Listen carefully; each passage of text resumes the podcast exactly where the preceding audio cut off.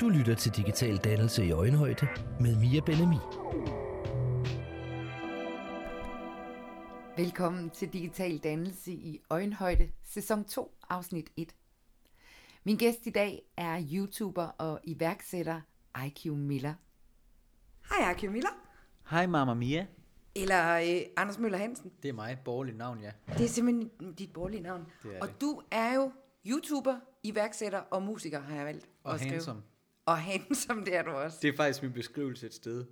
Musiker, iværksætter og handsome. På, øh, på LinkedIn, Ja, eller hvad? Noget, noget, ja, min, min job, nej, jeg tror, min jobbeskrivelse på LinkedIn, der står, hvad for en, øh, hvad for en titel har du hos First Grade, og der står boss, øh, et eller andet andet, og så handsome. Ja. Jeg, jeg så det, et eller andet, jeg ved ikke, jeg så en eller anden, der havde skrevet det der sted, og så synes jeg bare, det var sjovt. Jo, men det giver jo meget god mening, fordi du... Det giver du, jo meget god mening, tak, tak. Du får First Grade, som jo er dit, dit tøjfirma, er uh, The Poster Boy. Det er rigtigt, det er Ja. mig. Ja. Det er mig. Anders, i dag så... Øh, skal jeg kalde dig Anders, eller skal jeg kalde dig IQ? Altså, øh, folk de kalder mig jo for Q. Øh, og det er, altså selv min svigerfamilie kalder mig Q. Min kæreste kalder mig for Q. Ja. Øh, og det er lidt irriterende egentlig, men Anders navn er blevet ødelagt for mig, fordi at fans brugte det som en genvej til at komme direkte ind i noget, hvor det blev mere personligt, end, øh, end, end jeg synes, det var rart. Så for eksempel, hvis de... Øh, jamen, og det kommer vi helt sikkert også til at snakke om senere det her, men der var rigtig mange, når jeg mødte dem, så ville de jo kalde mig IQ, og det var fedt, og så var der nogen, som, som kom ind, Anders, og begyndte at kalde mig Anders, og stod op i, og sige Anders, Anders, og så sagde jeg, jeg vil altså gerne have, at du kalder mig, øh, kalder mig IQ, fordi på nettet der er jeg IQ. Og så sagde, for mig så vil du altid være Anders. Og det var sådan, det er kun min mor, min søster og min far, der kalder mig for Anders, og min mor og morfar selvfølgelig. Men ellers så alle folk, jeg møder og kender, altså alle mine kollegaer, alle, altså det er IQ og det er Q. Så hvis man tager øh, og kalder mig for Anders og begynder at fortælle mig om sine dybeste hemmeligheder, altså så, det bliver bare for personligt for mig. Ja. Øh, så så det, det synes jeg ikke er så rart. Så det er derfor, du kalder mig for, for mamma, det er fordi, jeg kalder dig Anders? Ja, så er du Mamma Mia. Ah, men der er også forskel på, at nu er det jo, når, men dig og mig, ikke? Altså, du, du, du kan kalde mig Anders alt det, du vil, fordi du er også lidt ældre, og du bruger det ikke imod mig på den måde, som det fans gør gør. Fordi som sagt, fans, de vil, de vil, de føler, at når de behandler mig sådan, så skulle jeg også behandle dem øh, på en eller anden måde. Som, og, og det kunne være, det var første gang, jeg mødte dem, så der er lige sådan, hold your distance. Ja. Hold your horses. Men, men, men hvis der nu er nogle voksne, der sidder og, og, og lytter med i podcasten her, og skal fortælle deres børn, hvem det er, de har ja. hørt en podcast med, Så er det IQ Miller. så er det IQ Miller. IQ Miller. Så, så, så det, vi tager den derfra. Ja, det tænker jeg. Men du har, er jo faktisk en af de første danske professionelle YouTubere. Ja. Prøv lige at fortælle, hvordan hele det her startede, for det startede jo faktisk slet ikke i Danmark. Nej, det gjorde det ikke. Altså, øh, USA har jo altid været kendt for at være en lille smule foran et par år, for at være helt øh, bestemt, og det var det da også med YouTube. Øhm, pludselig over i USA, så begyndte der at komme YouTubere, øh, og det var ikke noget, YouTube havde planlagt, dengang de startede. Selve at man kunne abonnere og følge folk, var ikke en del af YouTubes originale plan, det var egentlig bare, det var en video sharing site. Ja. Men øh, der var simpelthen nogle øh, content creators, som begyndte at og, og, og hver uge ligesom lave underholdning og forskellige musik for eksempel og alle mulige ting. Og så kom hele begrebet YouTuber, det blev simpelthen skabt, og så hørte, lyttede YouTube, eller de fulgte ligesom op på, hvad der skete på deres platform, og så skabte de, at man kunne abonnere og følge med, og så blev det til et socialt medie, også udover bare en, et video-delested. Ja, for YouTube starter jo der i, i midt-nullerne. Ja, præcis, 2005, eller noget i den stil. Ja, det ja meget 2005 er det vist startet, og min kanal oprettet i 2006, Ja. så er det faktisk, øh, jeg har været tidlig med på den vogn, og jeg brugte det jo også bare til at se alle mulige sjove øh, videoer og musikvideoer. Men så den første, jeg så, han hed øh, Niga Higa, og han var fra Hawaii, og han lavede sådan en serie, der hed How to be Gangster for eksempel, og så var det skide sjovt. Øhm, og han var så den første, jeg subscribede på, og det var jo underholdningsvideoer, og senere så øh, så jeg en kanadisk rapper, som hed Deep Ride, og han lavede musik, så der var både underholdningsvideoer, og så var der så musikvideoer. Og så tænkte jeg, det der, det vil jeg også gerne, fordi jeg synes, at det var pisse sjovt at lave videoer. Min far havde sådan et kamera med en bånd i. Altså, jeg filmede på bånd. Min første YouTube-video var filmet på et bånd. Altså på sådan VHS-bånd, På, altså på bare sådan små. et lille, lille, jeg ved ikke, hvad man kalder det faktisk, men det er sådan et lille bånd, der sidder i et kamera, så det er med en, med en spole. Ja, og så kunne man putte dem ind i sådan en Ja. lidt større en, og så kunne man sætte det ind i Præcis. videomaskinen. Lige præcis. Børn her er noget, I kan snakke med jeres forældre om. Virkelig, altså, ja, det, det må jeg være den eneste YouTuber, der har, der har gjort, tror jeg. Måske, er der, måske nogle af de få andre, men, men ja, det blev, det blev, min første musikvideo blev sgu filmet på, på et bånd, og, øh, og lagt op på computeren, og min far havde, havde købt det her videokamera, fordi at det var jo til vores, øh, når vi skulle øh, ja, til Frankrig, og når vi skulle afsted, så lavede han de små videoer der, hjemmevideoer, og jeg kunne godt lide at, allerede der, synes jeg, det var sjovt at være på, Ja. så jeg skulle altid lave alle mulige ansigter, Jeg lavede den her, jeg, nu sidder jeg og laver den her, det kan ikke se det, men jeg laver Arto-pistolen lige nu. Det er sådan en håndtegn, hvor man, hvor man sætter sådan et L op foran sin kind, Og, det, og min mor, hun blev så sur på mig, fordi alle billeder fra den ferie, der lavede, lavede jeg det der håndtegn. Jeg tror med det samme, vi aftaler, når vi skal have taget et billede til cover af den her øh, øh, Så laver vi- så laver vi simpelthen Arto-pistolen, Ej, det- så man kan gå ind og se Arto-pistolen. Det er en virkelig god idé. Ja. Så det bliver også et lidt et sjovt billede. Og folk, folk, der ser coveret, som ikke har hørt, hvorfor, vi sidder og tænker, hvad laver de? Ja. øhm, så jeg, jeg har allerede altid været øhm, sådan klar på at være på, og altid synes, det var sjovt. Så, øh, så da musikken, da jeg, begy- så begyndte jeg at høre Eminem-musik, og rap blev en ting, og det synes jeg også var fedt. Øh, og det hele, det var bare YouTube, det var bare the place, der var underholdning, det var, man var kreativ med video, man var på, og kunne lave musik, og så, der var ikke noget, du skulle ikke ud til et pladeselskab, fordi jeg ved jo, hvordan, jeg havde, havde jo undersøgt, hvordan du man ind og blive musiker dengang, og det var sådan noget med, at du skulle aflevere en CD eller en demo nede ved et pladeselskab, mm-hmm. ved Sony, Warner, Universal, øh, men det, det var bare så uoverskueligt, det virkede, det virkede som om, at det var, det var umuligt, altså det var one in a million, de ville overhovedet lytte til, ikke? så, men i stedet for, så kunne jeg se, at Deep Pride, han lavede simpelthen bare på YouTube, og plus han havde det sjovt imens. Jeg kan huske, han lavede en sang om, om appelsinjuice faktisk, sjovt nok. Han lavede en sang om orange juice, hvor de stod og bare var åndssvage og bare kastede med orange juice og sådan noget. Og, og det, det, det, det, det faldt jeg virkelig for. Ja, og vi, og vi kender jo alle sammen de her hits, som opstår på YouTube, som måske ikke er store hits i radioen. Øh, øh, der er ikke mere mælk, eller Præcis. Baby Shark, eller Pancake Robot. Hold da op, ja, Øh, og du hvad man ellers skal lytte til, når man har, når man har børn i, i hjemmet. Ja. Øh, det, er jo det, det, det er nemlig en lidt en, øh, en anden form for underholdning også. Altså det, det er den lidt mere atypisk, lidt mere øh, abstrakte, vil jeg nærmest sige, øh, form, øh, som får lov til at blive vist der. Og det er jo det, der gør, at på en måde, man, ja, at det bliver simpelthen virkelig meget mere interessant, øh, og, og var meget mere interessant for mig, end det, der blev vist i tv'et. Mm. Så øh, det begyndte jeg simpelthen selv at lave. Øh, og så startede jeg med at gøre det, og der var måske... Øh, 100 visninger, hvis man kunne få det, det var jo fantastisk. Det var 100 mennesker, der set det, hvis man fik en kommentar, man læser. Man vil nærmest finde ud af, hvem var den person, der havde skrevet, ikke? Man vil nærmest fi- finde dem og skrive med dem, og det sjove er jo, nogle af de allerførste folk, der har skrevet på mine videoer, den ene hedder Noel, den anden hedder Dustin, og så har de en, uh, Noel har en lille søster, der hedder Jolene. Og de tre er jeg stadigvæk venner med den dag i dag, og har besøgt dem i Tyskland, og fordi simpelthen, at vi, de skrev til mig derinde, og jeg skrev til dem, og vi spillede computerspil sammen, og nu er det faktisk blevet nogle af mine bedste venner den dag i dag her, 10 år senere, og jeg har både besøgt dem, den første autograf, jeg nogensinde skrev, var til Jolene, lillesøsteren, Ja. og det var altså, det er en dag, jeg aldrig nogensinde glemmer, fordi jeg kommer, jeg har kørt hele vejen til Tyskland, den eneste måde, jeg havde penge til at køre til Tyskland, var fordi jeg havde vundet 500 dollars i en rap-konkurrence på YouTube. De 500 dollars brugte mig og Morten, og to af mine andre venner på, på benzin, lånte min fars bil, og i hvert fald fra hinanden, kørte hele vejen ned til Dortmund, og så ned og besøge der, hvor de boede ude på landet med deres lille tyske familie. Og det var så første gang, jeg mødte de her folk, jeg, har, der, jeg kun havde skrevet med over YouTube. Øh, men de havde simpelthen givet mig så meget motivation og inspiration. Ikke? De havde altid lige meget, hvad jeg lavede. Ikke? De ville skrive, og de ville forsvare mig, hvis der var nogen, der, der skrev noget dårligt, og de ville dele det, ikke? og så 10 gange om dagen, hvor man tænkte, wow, altså, det er det der, sådan er det at have en fan. Ja. Øh, det, det, det, det var en fantastisk følelse. Og så kommer jeg ned, og de viser mig rundt, og jeg møder deres forældre, og de er sådan en lille landsby der, og han er smedfaren, og står ude foran og svejser et eller andet, og så kommer vi ned, og så kommer den her lille pige, Jolene, og hun har sådan sit eget lille mixtape, hvor der står IQ, med, med mit musik, og ja, ikke, og oh, tears, og kommer ind, og giver mig noget, som jeg godt vil skrive under på den, og det var jo bare, fuck, men jeg havde, Men man kan sige, at internettet havde måske også en helt anden uskyldighed dengang i, i nullerne, hvor, Det du, det. hvor du startede op. På det her tidspunkt, der er du vel omkring en 17-18 år så? Ja, det er noget i den stil, ja. Jeg må Ja. have været 18, for jeg kørte jo bilen. Så jeg har, jeg har nok lige været 18, ja, faktisk. Ja. Øhm, og ja, dengang, der var, det, der var det meget, meget, meget uskyldigt. Og det var noget, man lavede for sjov. Det var noget, man lavede på Der sjov. var ikke noget, der hed at være en, nej. øh, en YouTuber. Det var der ikke. Øh, jeg vidste ikke engang, at de tjente penge på det i USA. Altså, jeg vidste bare, at det var egentlig var målet ved det, var, at jeg måske en dag kunne få en pladekontrakt. Fordi hvis jeg nu kunne lave fede sange, og der så var 100.000, der hørte det, jamen, så kunne jeg måske gå ned og få en pladekontrakt. Ja, fordi samtidig med, at du sidder i Danmark og laver det her, så sidder der jo altså en lille dreng i øh, Canada, der hedder øh, Justin.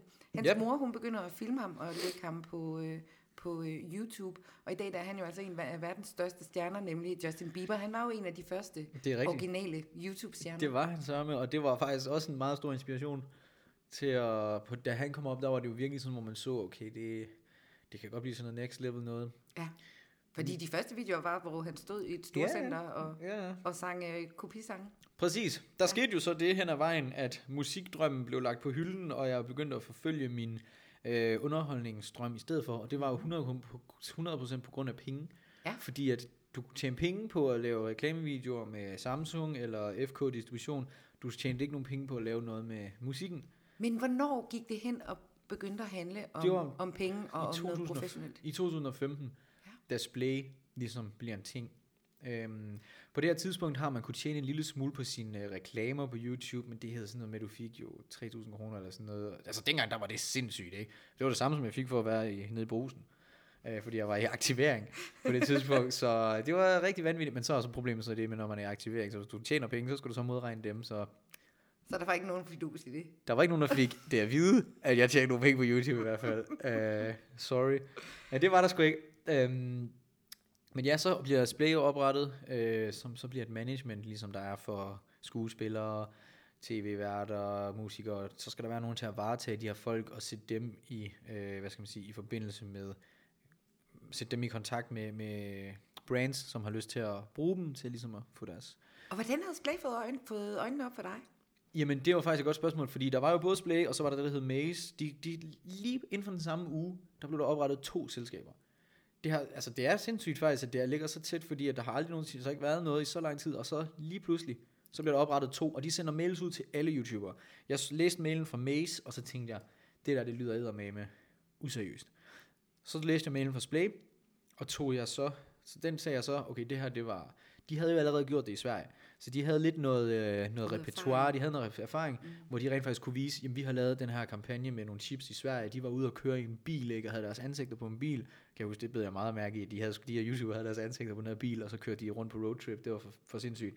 Jeg tænkte, nu, nu kan, det, kan det virkelig blive til sådan noget, ikke? Det, er vi- det her underholdning, vi sidder og laver her. Så det synes jeg var meget fedt, så jeg tog til København, og så mødtes jeg med Stupid Ogre for allerførste gang. Og han var jo med i første sæson, Ja. så hvis man vil høre hans historie, så kan man jo altså gå ind og, og, og lytte til den. Ja, mm-hmm. ham mødte jeg på København Banegård, og så tog vi ind til MTG, øhm, som var der, jeg, jeg så mødte Adrian, som er chefen, dansk distriktschef for Splay, og så Vigård, som er ham, der har opfundet selve konceptet Splay. Ja. Dem havde vi så et møde med, og øh, så, kan jeg, så tror jeg faktisk bare, at vi skulle hjem igen, mig og Christian. Der hver for sig. Og så... Øh, Havde I mødt hinanden, Nej. Sådan de danske YouTuber imellem, Overhovedet inden ikke. det her Overhovedet det ikke.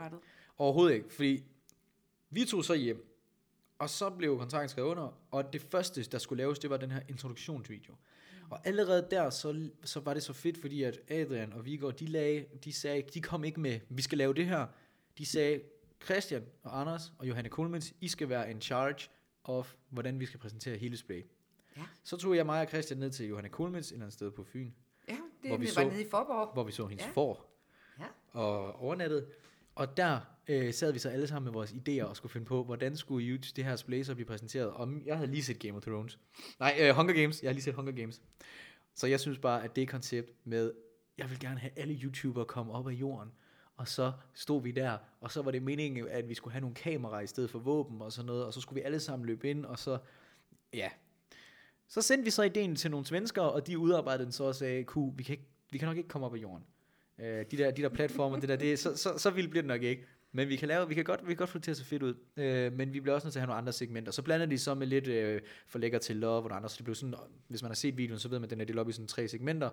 Øh, hvor Noah Plego sidder i sådan et redigeringsrum og sidder og Det er Albert Dyrlund og hans øh, Anton Cornelius. Anton ja. ja, de sidder i sådan et øh, klipperum og sidder og snakker om, hvordan de skal lave den her øh, video, og så får de sådan nogle idéer, og så udspiller idéerne sig så på video. Mm. Øh, og ja, så til sidst så rapper jeg så i den her. Og på det tidspunkt, der var jeg jo den, jeg var the shit i Danmark. Altså, jeg var den største YouTuber, og den øh, mest anerkendte YouTuber. Øh, Den med flest følgere. den med flest følgere, den med flest views og alt det her. Hvor Øh, mange følgere havde du på det her tidspunkt? Det er altid rigtig, rigtig svært at huske. Men jeg tror, jeg havde 60.000 eller sådan noget. Ja. Deromkring, vil jeg tro. Det var afsindigt mange dengang. Det var rigtig mange dengang. Ja. De eneste, der havde flere, det var sådan nogle som Gex og Brian from Denmark, men det var gamere. Og Gex og Brian from Denmark, de, de, de var jo så, og de lavede kun sådan nogle 25 minutters lange, hvor de sad og spillede computer. Deres indhold var heller ikke udviklet på det tidspunkt. Altså Gex den dag i dag, han laver jo alverdens ting, men dengang der var det altså bare 25 minutter, hvor man sad og spillede. Øhm, så der var ikke så meget, øh, hvad skal man sige, underhold, der var ikke så meget værdi i at sælge det. Så øh, ja, Maze og Display laver så to lanceringsvideoer, og Display stikker så af, og alle, og Display bliver ligesom det favoriserede netværk Ja. Øhm, og efter det, så tager mig og Adrian hinanden i hånden, og så tager vi så ud til Copenhagen TV Festival og Google Think, alle mulige arrangementer i København, hvor øh, der kommer en masse øh, store brands, øh, marketingchefer fra Telia, marketingchefer fra forskellige banker, hvor de ligesom skal høre, hvad Google har i, øh, hvad skal man sige, hvad de tænker bliver det næste. næste. Øhm, og der var mig og Adrian, altså Splay-lederen øh, der, vi var så sådan et oplæg, der var, hvor jeg ligesom fungerede som YouTuberen, og han så fungerede som den lidt mere professionelle, og så skulle vi så modne markedet, og det brugte vi faktisk to år på at komme rundt til alle de her ting og fortælle, hvorfor at reklame på YouTube, det var, øh, var en ting. Øh, på grund af, at det var så øh, jordnært, og det var, du ved, det blev fortalt af en, der havde den, der nærmest var som en storebrik. Du stole på de her folk i forhold til på tv, øh, og, man, man ikke, og også, at man skulle skabe øh, underholdning og content, og ikke bare en tv-reklame, som bare var 4 for en 10, 5 for 25 og 2 for 30. Altså, der skulle være noget kød på. Det skulle være sådan, at, at når folk så reklamen, så, så var de også underholdt og synes det rent faktisk, at de fik noget ud af at sidde og se, øh, se det her, de lige havde set, selvom de måske havde sat og kigget på Coca-Cola-logo i en time. Mm. Øhm, så det var vi rundt at gøre, og øhm, ja, så begyndte det lige pludselig at blive til en ting at være YouTuber. Altså, det er jo faktisk nogenlunde samme tidspunkt, altså det er omkring 2015, at jeg øh, øh, kommer ind i, i hele det her øh, digital dannelsesverden, øh, som, øh, som det jo er, er endt med at blive. Mm. Og det jeg ligesom får at vide, jeg er ungdomskulturformidler på det her tidspunkt, det er, at, at her snakker vi altså om nogle digitale storebrødre og, og store søskende. Øhm, var det noget, I var med til at opfinde i Splay, at det skulle være jeres rolle, eller var det en rolle, I faktisk havde allerede inden du blev en del af Splay-netværket? Jeg, jeg vil sige, det er en rolle, som jeg ikke vidste, jeg havde. Der tror, der var nogle andre, der var ganske bevidste om det. Så nogen som uh, Christine Slot og Julia Sofia, de var meget bevidste om det. De vidste det godt fra starten, fordi deres videoer omhandlede lige præcis sådan noget med T-tiden med Christine for eksempel, var, hvor man sad og snakkede om nogle private ting, og Julia Sofia også havde også nogle ting, uh, hvor det var meget privat og meget sådan, kom ind i mit soveværelse, lad os lige have en girl talk her. Så de var nok dem, der skabte også lidt en forventning på en eller anden måde ved, ved børnene om, at at YouTuberne var øh, vores, vores storebror. Det gjorde jeg ikke. Altså, jeg lavede fuldstændig åndssvage ting, hvor jeg råbte pig og patter, altså literally råbte penis i mine videoer, og lød som om jeg slog katte ihjel, og alt sådan noget. Fuldstændig noget, jeg aldrig kunne lave i dag. Men dengang, der var det bare, det var det vilde veste, det var young and rowdy. Mm. Øhm, så jeg havde ikke, min far har altid sagt det. Altså min far har altid sagt det, jeg skulle tænke over det, jeg skulle huske, der var nogen, der sad som mere, så jeg var sådan her, fuck det. Prøv at høre, det er bare, vi kører bare. Det er jo mm. det her, der, det er jo grunden, der siger til min farbror, det er jo en grund til, at jeg er, hvor jeg er. Det er jo lige præcis fordi, at jeg er den, jeg er, og bare har gjort det, jeg har haft lyst til. Fordi der måske ikke var, var en redaktør på, ligesom der var på, på, øh, på DR's programmer, for eksempel. Lige præcis. Det, man kunne se på, på lige præcis. tv-kanaler. Lige præcis. Det var det vilde vesten, som sagt. Øhm, men så begyndte der jo så at være øh, min første kampagne, for eksempel med FK Distribution, der, øh, der skulle jeg lave tre videoer til dem. Der fik jeg 35.000, og det var jo ekstreme penge for mig dengang. Jeg gik for 3.000 kroner om måneden, ikke? Nede det er en tidobling af din, af din Præcis. så det var jo fantastisk, og det var noget, jeg, det, det var da fantastisk, og alt var godt.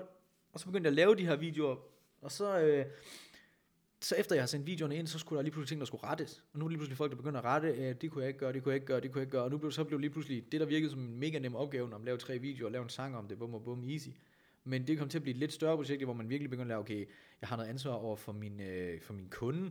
Men udover det, så da jeg lagde reklamen op, så kom der rigtig mange, som skrev til mig, at jeg skulle bare lige vide, at FK-distributionen havde rigtig dårlig ry, og der var meget med, at børnene ikke blev behandlet ordentligt. Og, det. og så var, nu fandt jeg lige pludselig ud af, at jeg har også et ansvar over for de folk, der ser med, mm-hmm. og folk kommer til at dømme mig på, på, på det, jeg laver, og, og nu, nu, nu skal jeg sgu, nu bliver jeg sgu nødt til at tænke over, hvad, hvad det er, jeg siger.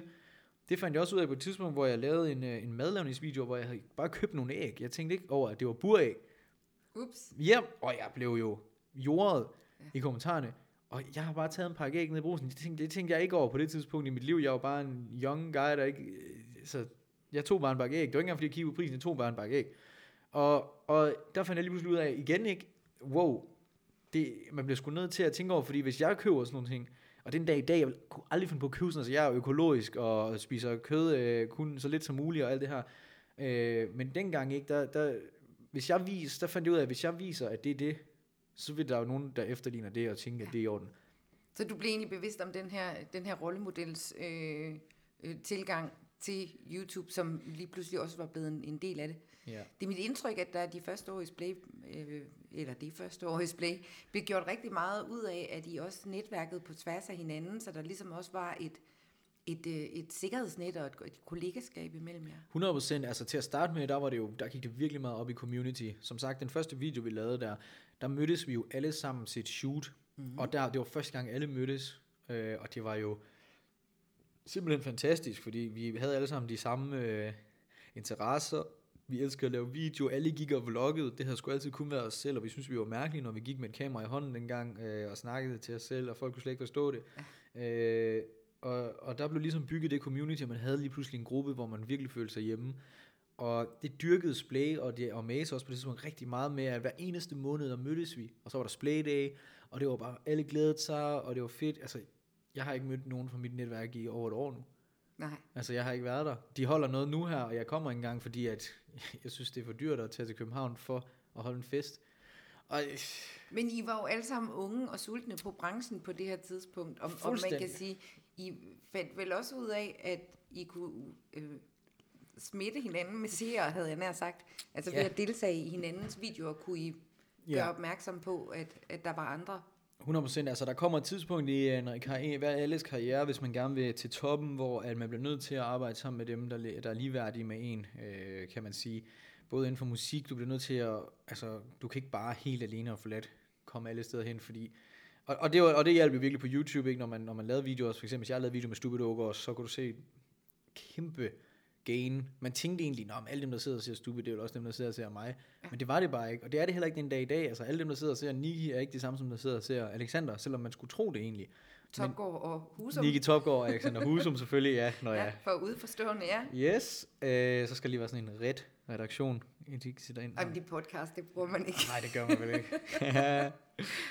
ja, så, øh, så helt sikkert, det, det var nødvendigt, og det har været fantastisk at, at samarbejde med alle de folk. De, altså, nogle af mine bedste venner i dag er jo de folk. Ja. For eksempel Stupid Ogre også, Rasmus Brohave også, og Alexander Husum også, øh, og en masse, masse, masse andre, som jeg selvfølgelig ikke får nævnt nu, men øhm, og jeg har også mødt min kæreste igennem YouTube. Ja, hun er jo også YouTuber. Ja, Så I er blevet sådan en YouTube-familie. ja, det er vi. Men vi, vi er dem, der er allermindst øh, out there.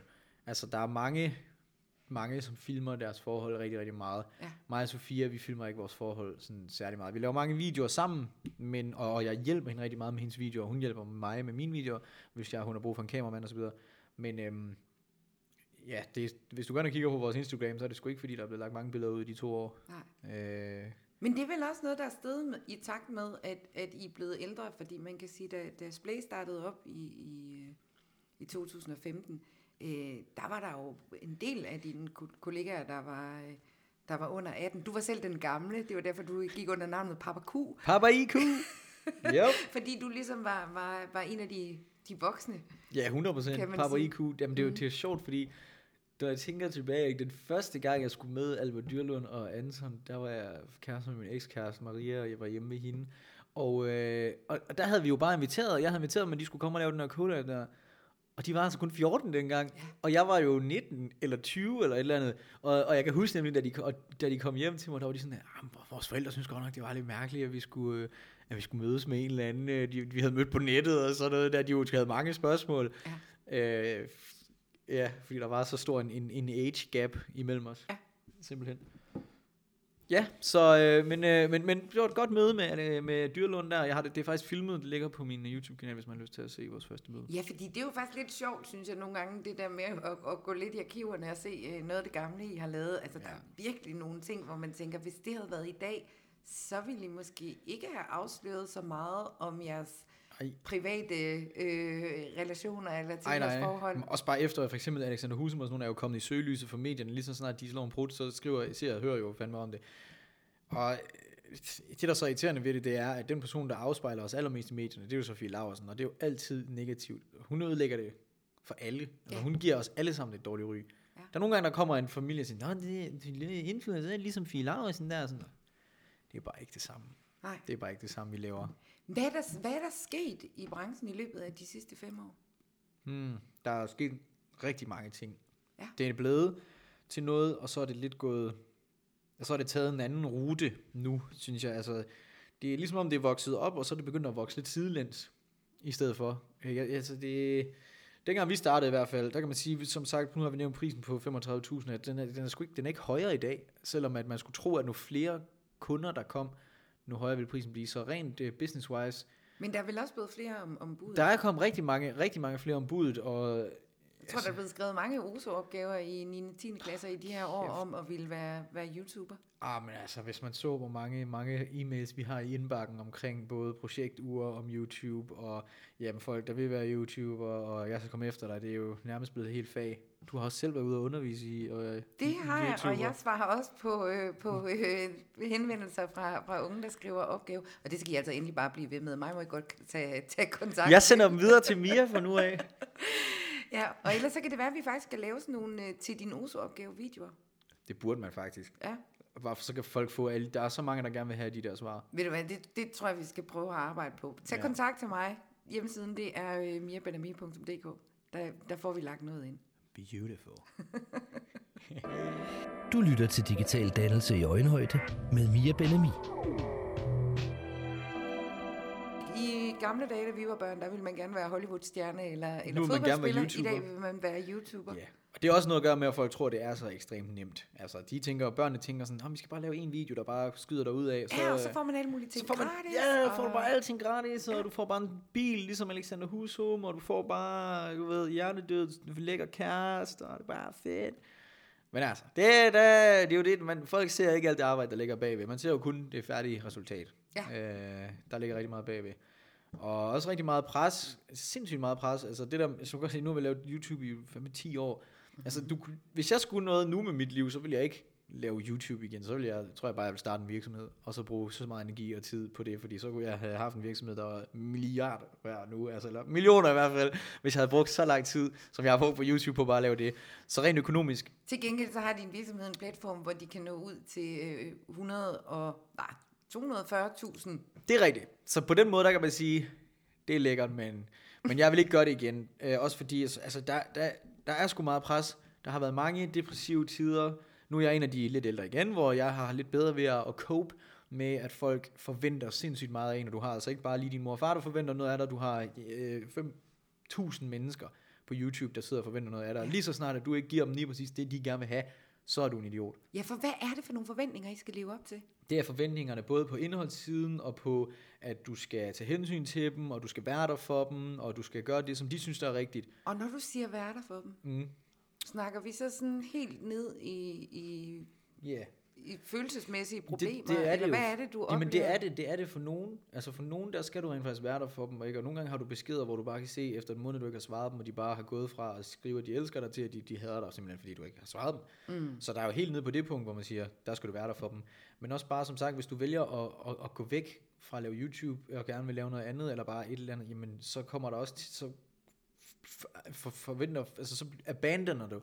Du kommer til at forlade dem, og de vil Ja. føle sig svigtet. Ja. Hvis deres yndlings-YouTuber lige pludselig ikke øh, lige er der lige i den rigtige uge, eller det rigtige tidspunkt, eller ikke lige holder, hvad personen måske er kommet til at sige, jamen så er der altså, altså høvl. Og, og, og nu hvor folk sidder bag skærmen derhjemme, så kan man virkelig mærke, at folk har åbnet op for at sige, hvad de synes. Ja. Og voldsomt sige, hvad de synes. Ja, altså fordi man kan sige, din, din kollega øh, Armin, han, han øh, producerer ikke øh, videoer i, i særligt stort omfang længere, øh, og, og vi kender ham jo begge to, fantastisk fyr. Shout out til, til, Skud ud til bra. til Armin. Armin. Amin. Øhm, men, men hvad hører I andre så, når der er en YouTuber, der ligesom vælger at, at ikke lægge noget ud? Ikke nødvendigvis at stoppe, men at, at, at ikke lægge noget.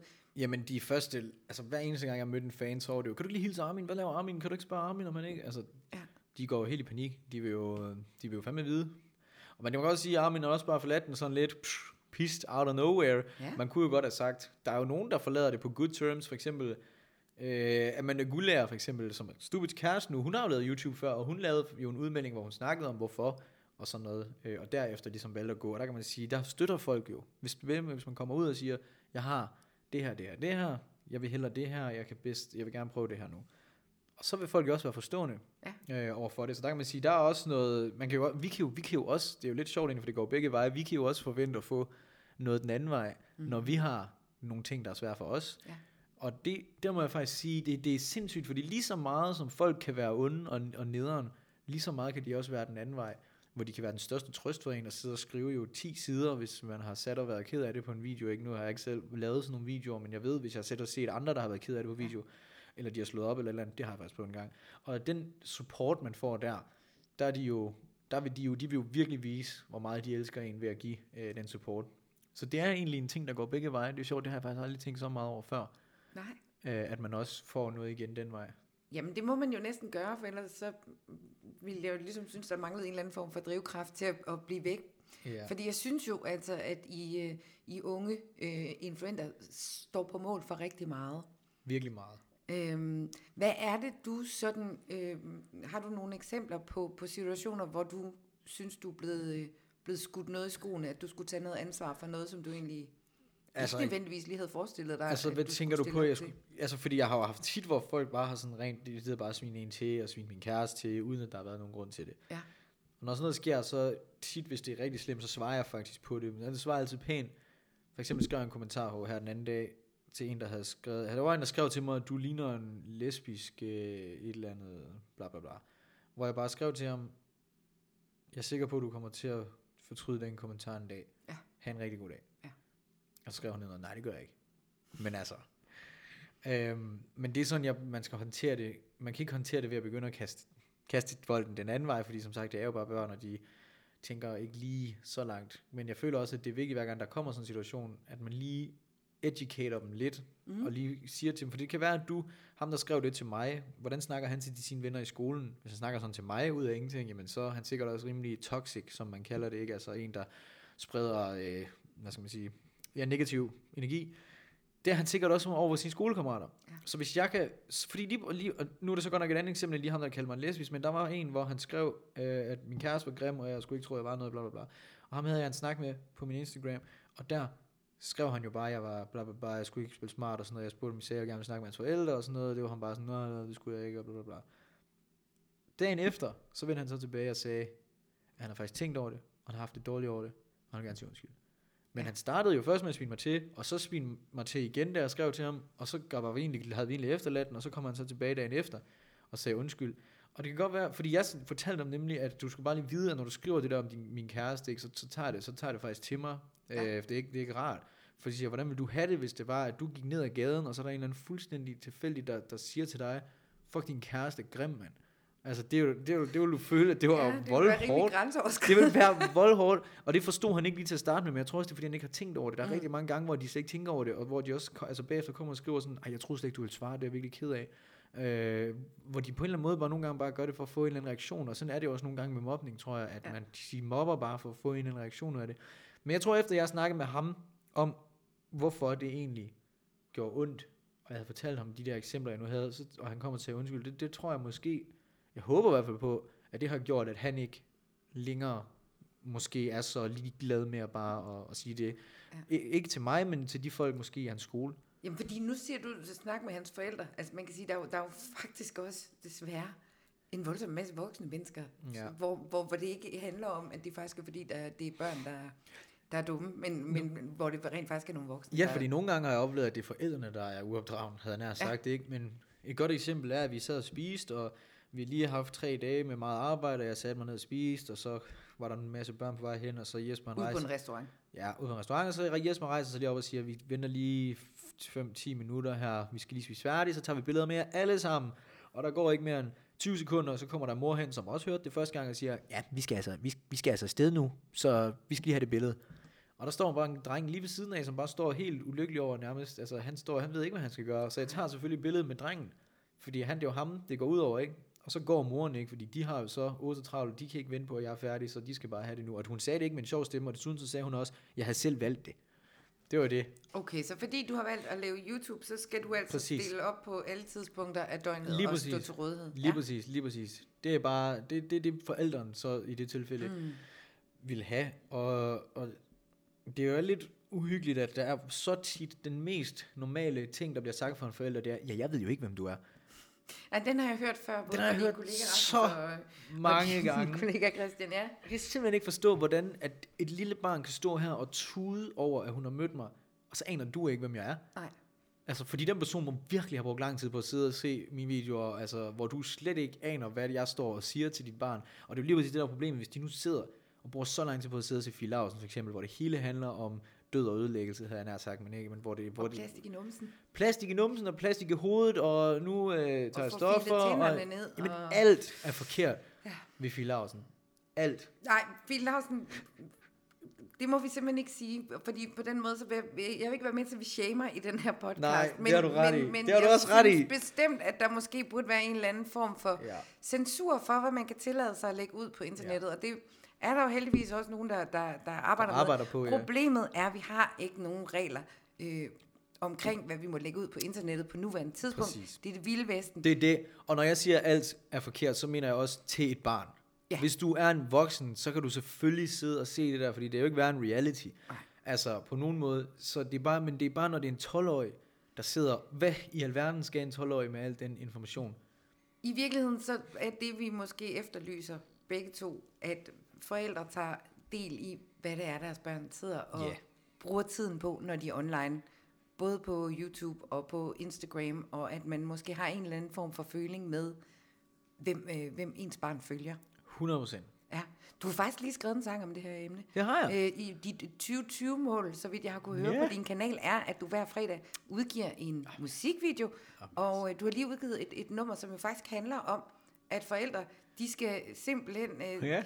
Tage og selv opdrage deres børn, sådan, så de ikke Så det ikke er ender mig, som der... dig. Præcis, så de ikke ender som dem, og så jeg ikke skal opdrage øh, øh, deres børn. Jeg vil selvfølgelig gerne hjælpe, øh, hvor jeg kan, og give dem et smil på læben, og, og, og, og være et godt eksempel. Jo, og jeg synes jo faktisk også, at du gør rigtig meget på din kanal for, at, at de unge, som følger dig, at, at de skal være sig selv, og de skal have godt selvværd. Jeg synes jo, det er noget af det, som du, øh, vil ikke sige prædiker, men, men, Nå. men det er et af budskaberne på din 100, kanal. det er det. Det er jo, at, at man skal være sig selv, og man skal være glad for Og den, man skal man er. følge sine drømme. Og man skal følge sin drøm. Ja, det er så kliché, som det kan være. Men øh, det er sgu rigtigt nok. Øhm, Der er aldrig nogen, der er død af, af, af godt selvværd. nej, det er der ikke. Nej, det tror jeg i hvert fald ikke. Nej, det håber jeg da ikke. Men, men, men den her sang, hvor, hvor øh, Nå ja. opstod ideen til Jeg vil sige, det er meget øh, imponerende, at du ved så meget. At du er meget... Øh, du er godt belæst. Jeg er sådan en slags godt beset Godt. YouTube-ekspert. Ja. Jamen, det er du faktisk. Det er rart, at, at man har et interview med en person, som, øh, som ved, hvad man går og laver. Fordi. Ja. der er faktisk tit, at man oplever, at de ikke aner en kæft. Uh, så det er kudos til dig, Mia. Tak. Uh, men jo, jeg udgiver simpelthen musik hver evig eneste fredag i 2020, og forhåbentlig med musikvideo hver gang. Um, og den sidste sang hed så Grow Up, og der snakker vi om, at du ved, I wasn't trying to spend time with your kid. You was the one who signed up for the shit. But since you wasn't gonna pay him no mind or attention, I had to step up where you left him. Ja. Så det er ligesom, Så det er det der med, at, at børnene faktisk nogle gange søger noget opmærksomhed hos dig, som de ikke får hos deres forældre. 100%. Og det må være en, en ret tung opgave at, at stå med, især når man er en, en, Det ung er det jo. fyr. Og især, altså når vi møder, nu er jeg jo en, der kommer meget ud, ikke? men nogle af de her børn, når jeg møder dem, de er simpelthen så, nu er jeg, ikke- altså nu, man skal ikke shame nogen, men nogle gange så er de altså bare, man kan bare mærke, at de ikke har fået nogen opdragelse, de kan finde på hvad som helst, ikke?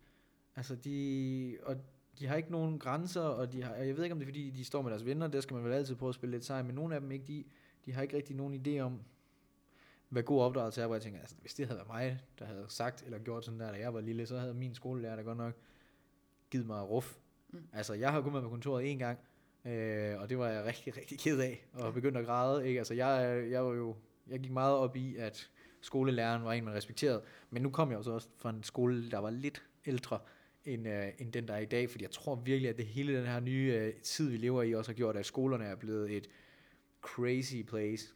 Øh, min værste frygt, da jeg skulle skifte skole, da jeg var lille, var, at man fik, kunne få buksevand på den Ja. ja. anden skole, ikke?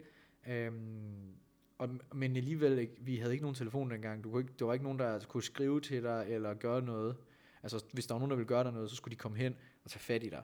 Ja. Og det gjorde jo, at der var rigtig, rigtig mange situationer, som ikke opstod, fordi nu, der er der jo så mange, der kan sende, de kan både sende anonyme beskeder, de kan målret på en eller anden måde øh, dislike, hvis, folk, hvis der er mange, YouTube, mange børn, der laver YouTube-videoer, jeg kan bare se, at de har dislikes altid, og det, jeg ved med det altid af klassekammeraterne, som ikke kan lide dem, som sidder og bare øh, følger med i, og sidder og griner af dem, og sidder og, og mobber dem, øh, sikkert bag, bag, deres, øh, bag kulisserne, men sikkert også til deres ansigt, og jeg tror faktisk, der er mange børn, der ikke tør at blive YouTuber også, fordi at lige så snart de går i gang med det, så vil de være sådan, ah, er du YouTuber? Ah, okay. det er skal, vi se, faktisk- skal vi se dine videoer, ikke? Og så sidder de ude i frikvarteret og ser videoerne der med, med alle deres venner, ikke? Og så griner af det i fællesarealet og sådan noget. Jeg tror, det, jeg tror, det er tough at gå i skole lige nu. Jeg, jeg tror i hvert fald, at det er, er rigtig vigtigt, at vi bruger noget krudt på at, at tale med vores børn om, øh, hvordan de er sammen på internettet, hvad det vil sige at være på de sociale medier, inden vi giver dem lov til at, at være det. Og tage snakken, også selvom vi er imod, at de skal på, på sociale medier, fordi det er de. Øh, og det er også en måde at blive ekskluderet fra fællesskabet på ved øh, ikke at være med. Ja. Men, men hvis man skal hvis man skal øh, bakke sit barn op i, i, øh, i hele den her YouTube-verden, Mm-hmm. øh, det skal jo ikke være nogen hemmelighed, at, øh, at jeg øh, laver YouTube sammen med min søn, Ja. og rigtig meget over på, på, på hans banehalvdel, øh, og jo også er hardcore, både redaktør og cen- censurdame øh, dame på, øh, Præcis. på det projekt. Øhm, man kan sige, Hvordan kan du egentlig kontrollere, har du en eller anden form at kontrollere, hvad han sidder og ser? Eller, er det fordi, eller kan du se med, når han ser det? Eller har han fri adgang til at se jeg lige kan jo gå præcis, ind hvad og han se vil? hans, hans log på, Ah ja, hvad han har set Ah, så- tidligere, men faktisk så får han ikke lov til at se YouTube, hvis ikke lige jeg sådan har et halvt øre på, hvad det er, der foregår. Og det er jo Øhm, den rigtige måde at gøre det på. Nu, hvor gammel er det, Vilje er? Han er, min søn er øh, 8,5. Han er 8,5. Han er 8,5 og har lavet YouTube i, i snart et år. Mm. Øh, men vi havde jo også, inden han startede, rigtig mange snakker omkring det her med, med dislikes, og med at man, Ja. man kunne blive mobbet, Ja. og med øh, hvad, hvad det ville sige at lægge det derud, at mm. hele verden jo lige ja. pludselig faktisk havde adgang til Ja. at se, øh, hvad, han, hvad han havde lavet. Ja. Man kan så også sige, der, der er så kommet en, en rimelig hardcore ændring på YouTube med, at man lige pludselig har, har, øh, har, øh, har ændret øh, termerne for, hvordan børn kan være på YouTube. Og det er hans kanal jo så blevet ramt af, vel? Lige præcis. Han Ja. kan for eksempel ikke få de her kommentarer, mm. som han jo, da han startede med at lave YouTube, synes var det fedeste. Ja. Øh, når, når du for eksempel Ja, kommenterede på, præcis. på hans video. Øhm, Og det er jo faktisk rigtig skidt, at han ikke kan det, fordi det, kan, det, det er jo noget af det også, der har gjort, at jeg rent faktisk er blevet til det her i dag, var jo, at folk rent faktisk skrev, kan du blive ved? Ja. Altså på de der sange, ikke, som, please blive ved, det er virkelig fedt det her, ej, jeg kan virkelig godt lide det, du lavet. Det er altså noget motivation til rent faktisk at gøre det. Ja, at nu kan man kun få, få like og dislikes, og, og jeg tænker måske, at det er for sådan forholdsvis problematisk i forhold til i hvert fald de unge øh, content creators og dem, der laver indhold til børn. Men det er en helt anden snak. Jeg vil faktisk synes, at det var bedre, at man kunne kommentere, end at man kunne like og dislike. Mm. Altså egentlig, fordi det er meget nemmere at give sig til kende negativt med en dislike, end det er at, at skrive noget. Og, når, og hvis man nu bare synes for eksempel, at der var noget med lyset i videoen, som ikke lige var, var det fedeste, og man måske havde lidt svært ved at se, hvad der foregik, jamen så kan man kun give den en dislike, i stedet for at man rent faktisk lige kan sige, hey, fed video faktisk, jeg kunne mega godt lide din energi, men der var lige det her med lyset. Ja, det kan i hvert fald være, være svært at, at hjælpe hinanden til at blive bedre, Ja. som vi jo brugt rigtig meget krudt på, da, da Ja. YouTube startede også. Så hvor gammel så, når han bliver, så det først, når han bliver 13 nu, eller hvad, så bliver det så åbent, hvordan Øhm, fungerer det? ikke øh, helt, øh, det er jo, hvis du laver indhold til børn. Ja, hvis det du det. markerer din video Ja. ja. som, det her er indhold ja. til børn. Og det kan man vel kun gøre, når der er et barn med, Ja. mener jeg det er, ikke? Hvis, Så- hvis barnet er under 13, så skal man altid markere, det til børn. Så det har ændret sig i, i de her år.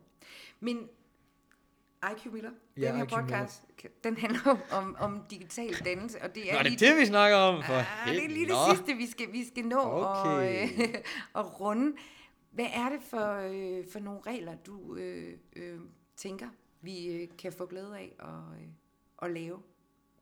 Ja, det er jo et rigtig godt spørgsmål. Fordi at, jamen, nogle regler, der, altså, jamen, man kan også sige, at alting, der bliver begrænset af regler, altså for eksempel for mit vedkommende, altså hvad for nogle regler skal jeg have? Jeg skal jo, det eneste, jeg skal, det er, jeg skal i hvert fald have en forståelse for, at alt, hvad jeg siger og gør, can and will be used against you. Oh yes. Og det er i gang, med- og det er en del af opdragelsen, øh, simpelthen hos børn. Så hvis jeg bare, du ved, promoverer et eller andet, så, så skal jeg i hvert fald være 100% øh, bevidst om, at det har konsekvenser. Øh, så fra en skabers side, så skal man være, øh, være bevidst om det, og det er jo det, der, er jo, der er rigtig, rigtig mange, der skider højhældigt på. Nu behøver vi ikke at nævne navne igen, men øh, det er der jo rigtig mange, der, der, der, der er fuldstændig ligeglade med at tage ansvar. For så siger de jo, at det er forældrenes ansvar, de skal lade være med at, og de må, så må de sørge for, at de ikke kan se det. Men, Men jeg- hvis du nu kan få lov til at lave en regel for, for forældrene, hvad er det så for en regel, vi skal... Vi Jamen skal så er det, at man skal, man skal, jeg vil heller ikke sige, at man skal overvåge sit barn jo. Fordi at man, barnet skal jo også have en eller anden form for frihed til at sidde, men ligesom du gør for eksempel med at se, okay, hvad har, hvad har min søn egentlig sat og set hele dagen? Lige, bare lige tjek den der log history, som den hedder, hvor du kan se, det her det er det, barnet har set, okay, men så kan jeg sidde og se, når der er noget Minecraft, der er noget her, der er noget her, der er noget her. og så lige gå og se, om, hvem er det egentlig lige, der sidder og spiller Minecraft, lige hvad er det for nogle mennesker, han sidder og lytter til. Det er sgu i orden. Mm. Og lige så snart der dukker et eller andet op, hvor man, øh, hvor man tænker, ah, så kan man sige, så kan det jo måske allerede være for sent. Øh, men lige så snart der dukker et eller andet op, en, en personlighed, eller bare en slags content, det kan være, øh, det kan være dyremishandling, det kan være garden for der er jo alt simpelthen på YouTube, ikke? og nu er der godt ikke lige dyrmishandling på den måde, men der er rigtig, rigtig mange hårde ting også på YouTube, øhm, og rigtig mange ting også med, med nudity, ikke? Hvor, hvor alt muligt bliver udstillet på alle mulige forskellige ting. Og det er jo ikke barnet selv, tror jeg, at, altså, som der måske søger på det, men på YouTube, der kan man altså hurtigt sidde og komme fra den ene video til den anden, og lige pludselig så sidder man op på den anden side af månen. Ja.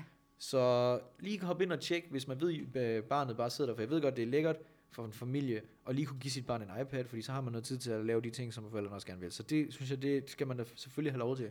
Ja. Øhm, og jeg synes heller ikke, man skal starte med at gå ned og sætte en masse grænser. Jeg synes bare, lad barnet, altså, lad barnet komme i gang, og så, men så hold lige øje med det. Og lad måske også barnet vise dig, hvem de synes er gode. Ja. Altså, jeg vil sige... Hvem er din yndlings-YouTuber? Det der er nummer et spørgsmål. Ja.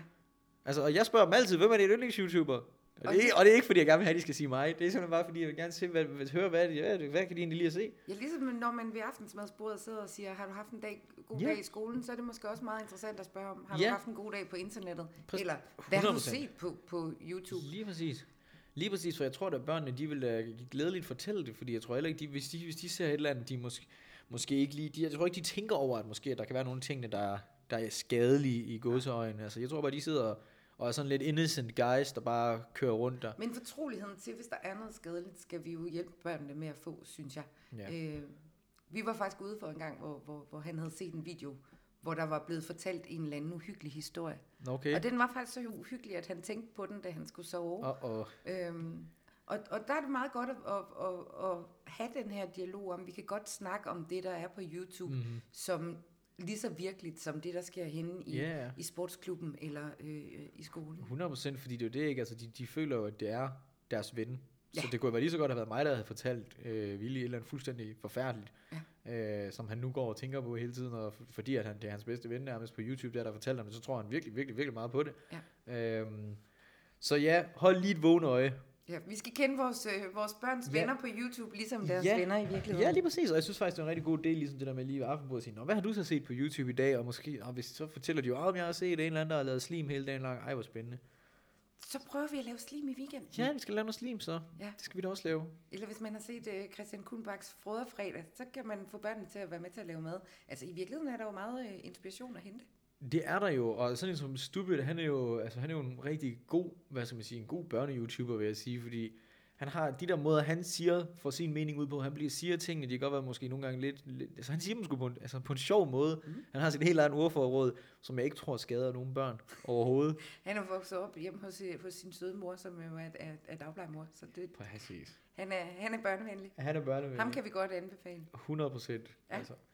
Øh, og det, sådan som Robin Samsik, de er jo også virkelig, virkelig børnevenlige, hvis ja. man har lyst til at have den der i øret om morgenen. Og også rigtig dygtige til at, at faktisk tage til den op i, i julen, da der var hele den her sag med øh, ja. Alexander Husum, øh, som, som røg ud i, i et lille stormvær omkring en, en mystery box. Den øh, sag må man selv gå ind og læse op på. Men i hvert fald så var, var Robin rigtig dygtig til at gå ud og i et let forståeligt sprog forklare ja. børnene, hvad er det, der sker, når der er nogen, der der ja. begynder at kaste mudder på hinanden ja. på YouTube, fordi der, der er jo de her beefs indimellem, som jo også er en del af branchen. Det er der også. Øh, ligesom man kan være uvenner i, øh, i virkeligheden, så kan man også, også være uvenner på YouTube, men altså, nu var det jo godt nok øh, alle og enhver, der var imod en her, øh, fordi at Alexander havde valgt at tage nogle lidt. Atyp, Alexander Husum, jeg havde valgt at lave nogle lidt atypiske øh, beslutninger, og det, det kommer man så til at høre rigtig meget for. Men som sagt, det er rigtig fedt, at sådan som Robin går ind og fortæller dem på hans kanal, så får jeg lige forstår det, fordi hvor, hvor befinder børnene sig også i sådan en situation, ikke? De, hvor de forstår jo ikke forretning og sådan noget, de skal jo slet ikke vide noget om, om de der ting, ikke? og er nogen, der har Husum øh, snydt mig, ja? de ved, det jo ikke, altså de, de føler sig ikke snydt, og lige så sidder der tusind børn, eller tusind mennesker i kommentarerne og skriver, Husum, du bare det ene og det andet, og så kommer du i skole med det der tøj, du er mega glad for, og så vil alle sammen bare sådan, nej, det der Husum tøj, altså, hvem skal redde, hvem, hvem skal sørge for dig, altså, ej, det, det, og der er det godt, at sådan som Robin for eksempel kan komme ind og lave noget, der ligesom lige forklarer, hvordan det hænger sammen. Og der er jo også blevet fundet en løsning på det hele nu, og alle er glade. Ja. Håber så, så hvordan får vi de gode voksne ind på YouTube? Har du et, et, et bud på det? Det er da dig. Nå, men jeg kan jo ikke være på YouTube hele tiden. Jo. ja, men altså, det, det ved jeg så ikke. Hvordan skal vi få, få, få de voksne ind på YouTube? Altså, tænker du på, at de skal... Nå, men jeg tænker på, altså, skal, skal, man, skal man have nedsat en eller anden form for, for, øh, for øh, kontrolpanel, der sidder og ser øh, alt det indhold, der, der bliver kigget igennem? Skal man i, i jeg synes- YouTuber-branchen være bedre til Jeg at synes- kigge ind af? Skal man, øh, når man har et vis antal seere, øh, skrive under på øh, en eller anden form Ja, for... der er jo mange forskellige måder at gøre det på, men jeg synes, at det er et ansvar, som ligger ved forældrene at, at holde øje med. Fordi jeg tror også, det er individuelt. Det er meget individuelt, hvad, hvem, hvem kan holde til hvad, og hvem, hvem skal have lov til hvad, og hvem kan se hvad. Øhm, så det er en, en individuel sag, synes jeg. Jeg synes ikke, at, at det er... Jeg ved godt, at det også er vores ansvar, og det tænker jeg også over. Men det er et fælles ansvar. Ja. Så det er dit ansvar, og det er mit ansvar. Og hvis vi begge to tager ansvar, så er det børn jo gode hænder. Ved du hvad, det synes jeg faktisk er et øh, rigtig godt sted at øh, slutte den her Er ikke snak. rigtigt? Og nu er vi også ved at blive, øh, tør for tid. IQ Miller, du skal have Jeg vil løbe tør for tid. tusind tak, fordi at, øh, du vil være med i podcasten. Så skal vi jo lige sige, hvor kan man finde dig henne, hvis man gerne vil, Ja. vil se mere af alt det, du laver? Jamen, øh, jeg har jo en YouTube-kanal, den hedder IQ Miller, så der kan man bare søge på. Lige nu, der er det musik og iværksættervideoer, der er i fokus, mm-hmm. og hvordan man bygger en musikkarriere, kommer jeg til at lave nogle øh, videoer om, hvor man følger mit øh, musikalske projekt, hvor jeg fortæller, hvordan øh, det har været at være all in på Spotify og sådan nogle ting. Øh, så hvis man er interesseret i at bygge en musikkarriere eller en business, så er det derinde, det foregår, og så er jeg selvfølgelig også på Instagram, IQ Miller, og det staves E-I-Q-U Miller. IQ. Det er det sværeste navn at stave. Jamen det er det. Altså, wow, det har jeg også skulle stave mange gange. Men når man først kan det, så... Øh, og så kan man jo altså også finde dig øh, rundt i butikkerne, om man så må sige, fordi du er jo faktisk en af, af mændene bag øh, tøjfirmaet First Grade. Yes, vi har startet tøjmærke, øh, mærke, som startede som noget merchandise, og det så udviklet sig til et rigtigt fashion brand, og vi er i uh, Nielsens rundt om i hele Danmark. Det er nok det sted, der sådan er mest udbredt. Der er 17 butikker eller sådan noget i Danmark, den kæde, der hedder Nielsen, så der kan man købe tøjet. Ja, og så er I jo altså også rigtig gode til at tage rundt på, øh, på Markeder. markeder Vi kommer på. Vorbasse Marked, øh, Jallerup Marked, Ørbæk Marked, Bellerhøj Marked, øh, og så videre. Og hvis man er en forælder, der ikke ved ret meget om YouTube, så vil jeg faktisk anbefale, at man kommer ud og snakker med jer til sådan et marked. Ja, Fordi det skal jeg man var, end var faktisk ude og besøge jer på, på Ørbæk Marked i år, Ja. og det er... Det er Var jeg der der? Du var der. Det var virkelig sjovt, og I var virkelig søde, og jeg synes også, I er rigtig gode til at tage jer af forældrene, når de står derude bagved og ser helt lost ud, Ah, ligesom altså, forklare lidt om, hvad det Det er. så sjovt at være afsted der, men altså, nu, vi, vi snakker med rigtig mange forældre, og nogle gange har vi jo time snakke med dem, og så har vi altså også en, en lille form for øh, dagpleje, fordi øh, der er altså også nogle forældre, der sætter barnet af, og så går de, og så kommer de tilbage to timer senere, og især de andre, der har stand derude, de der, dem der, hvor de har børnene med ude og, på, og være på markedet i tre dage, ikke? Altså, Ja. børnene, de går hen og leger first grade telt, så vi, vi har dem altså, øh, 12 timer hver dag i tre dage i vores telt. Øh, og, og ja, der skal man også lære lige, hvordan man, øh, hvordan man coper i sådan en situation. Så IQ Miller på YouTube og Instagram, og så altså Yes. First Grade rundt omkring i landet. Og firstgrade.dk. Ja. Ja. ja. Og hvis man skal finde dig på, øh, på LinkedIn, så giver Så- du den jo altså også som konsulent indimellem. Det gør jeg faktisk, ja, hvis man er virksomhed, der har brug for noget øh, konsulent, øh, hvad skal man sige, rådgivning, sådan noget som, hvordan bygger jeg min presence, hvordan bygger jeg mit brand op øh, på, på de sociale medier, øh, hvad for nogle, hvordan får man fat i en influent, er der nogle secret ways, hvem skal jeg arbejde med, hvordan finder jeg det rigtige, øh, den rigtige arbejde sammen med. Alle de her ting, det er det, jeg har lavet de sidste mange år, så det er, når jeg, jeg er nok den eneste inden for det fag, som rent faktisk selv har gjort det, og som også arbejder inden for faget. Fordi der er rigtig mange, man kan hyre, som har læst og kigget, øhm, men de har ikke selv gjort det. Nej. Jeg har selv gjort det. Så der er simpelthen direkte erfaring der. Det er der. Og hvis du derude vil vide mere om digital dannelse i øjenhøjde, så kan du altså finde mig på diverse sociale medier. Mit navn er Mia Benami. Min hjemmeside hedder miabenami.dk. Tusind tak, fordi du lyttede med. Selv tak.